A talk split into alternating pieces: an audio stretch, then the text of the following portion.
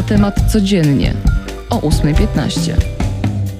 Cześć, Magdalena Stokłosa. Zaczynamy nowy tydzień, nowy odcinek na temat codziennie. Jest 14 lutego. Zaczniemy może od tego, co za nami, bo jak zawsze w weekend sporo się działo i nie będę mówić o Super Bowl, ale zacznę od Pałacu Prezydenckiego, bo tam wczoraj, a właściwie przed Pałacem Prezydenckim, odbył się tradycyjny studniówkowy Polones, tym razem w geście protestu przeciwko nowelizacji prawa oświatowego pod hasłem Wolna Szkoła. Bolek Czarnek, która ułatwi kuratorom odwoływanie dyrektorów i pozwoli decydować o zajęciach prowadzonych przez organizacje organizacje pozarządowe trafiła na biurko prezydenta i to od niego teraz zależy, co dalej. Jak jesteśmy przy tym temacie, myślę, że warto też odnotować sukces ministra edukacji i nauki Przemysława Czarnka. Otóż został on wybrany człowiekiem roku 2021 klubów Gazety Polskiej. Jak podano, przyznano wyróżnienie politykowi, który jest autorytetem, gwarantem tego, że sprawy szkolnictwa w Polsce idą w dobrym kierunku. Kilka osób, myślę, mogłoby mieć inne zdanie. Pozostajemy przy polityce, bo dziś minister spraw zagranicznych Zbigniew Rau udaje się do Rosji, gdzie, jak zapowiedział, będzie zachęcał państwa uczestniczące w konflikcie rosyjsko-ukraińskim do poszukania płaszczyzny porozumienia. Tymczasem rząd szuka miejsc dla uchodźców z Ukrainy. Wojewodowie poprosili władze gmin o przygotowanie list np. obiektów sportowych, które można przekształcić w 48 godzin, sale gimnastyczne czy hale widowiskowe. Koszty tych zakwaterowań pokryje oczywiście Skarb Państwa, gdyby doszło do takiej sytuacji, a według szacunków Polska musi być przygotowana na udzielenie schronienia nawet milionowi osób. Z kolei Wielka Brytania pracuje nad pakietem wsparcia wojskowego i pomocy gospodarczej dla zagrożonej rosyjską inwazją Ukrainy. Jak poinformował tamtejszy rząd, premier Boris Johnson też uda się na kolejne rozmowy w sprawie kryzysu wokół Ukrainy. Nie pomoże mu to jednak już pod względem wizerunkowym, bo większość Brytyjczyków chce jego dymisji. Jak pisze Wioletta Wasylów na naszej stronie głównej, lwia część respondentów uznała, że jeśli premier otrzyma grzywnę, powinien zrezygnować ze stanowiska. Chodzi oczywiście o policyjne śledztwo w sprawie możliwego złamania restrykcji covidowych podczas imprez na Downing Street.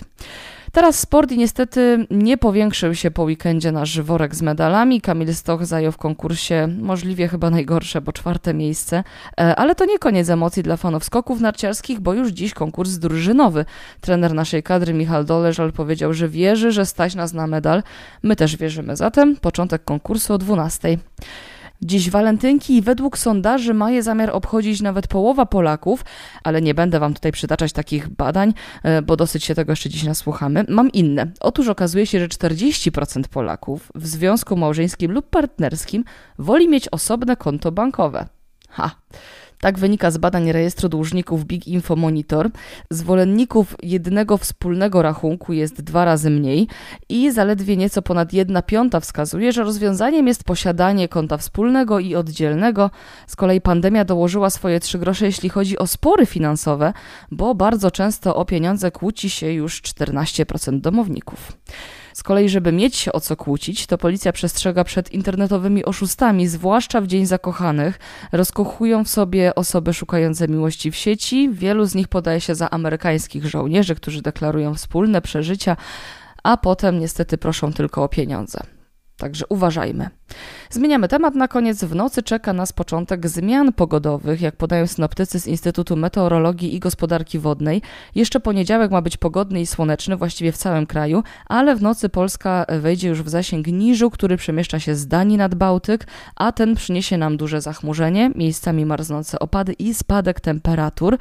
I tak przez cały tydzień będą się zmieniały nad Polską dwa fronty, ciepły i chłodny. Zdaniem synoptyków może to spowodować bardzo dynamiczne zmiany pogodowe, takie jak silny i bardzo silny wiatr, który najprawdopodobniej pojawi się w Polsce pod koniec tygodnia.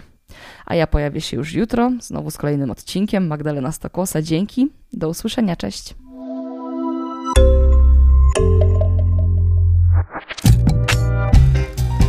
Na temat codziennie o 8.15.